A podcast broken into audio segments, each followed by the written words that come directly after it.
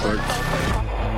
Det här är Nyans, feministisk true crime med Kajan, Hanna och Paula. Vi ska prata om ett fall, vi kan för nu kalla det typ eh, eh mord, nödvärn eller mittemellan. De inblandade personen är ett brottsoffer som vi kallar för Conny. Och sen så har vi en förövare som heter Jonathan Granqvist. Det är den 13 maj 2023, klockan är 20.28 och från en gård så ringer man till SOS. Det är en ung kille som ringer in.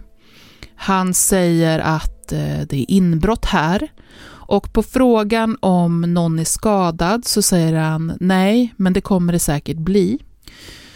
När polis kommer till platsen, till den här gården då, klockan 20.50 så är Jonathan i chock. Han är väldigt skärrad. Polisen har svårt att få kontakt med honom.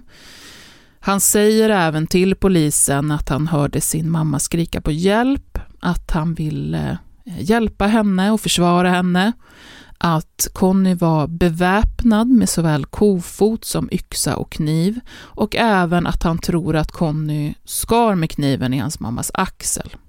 Och cirka tio meter från bostadshuset, i gräset, så ligger Conny.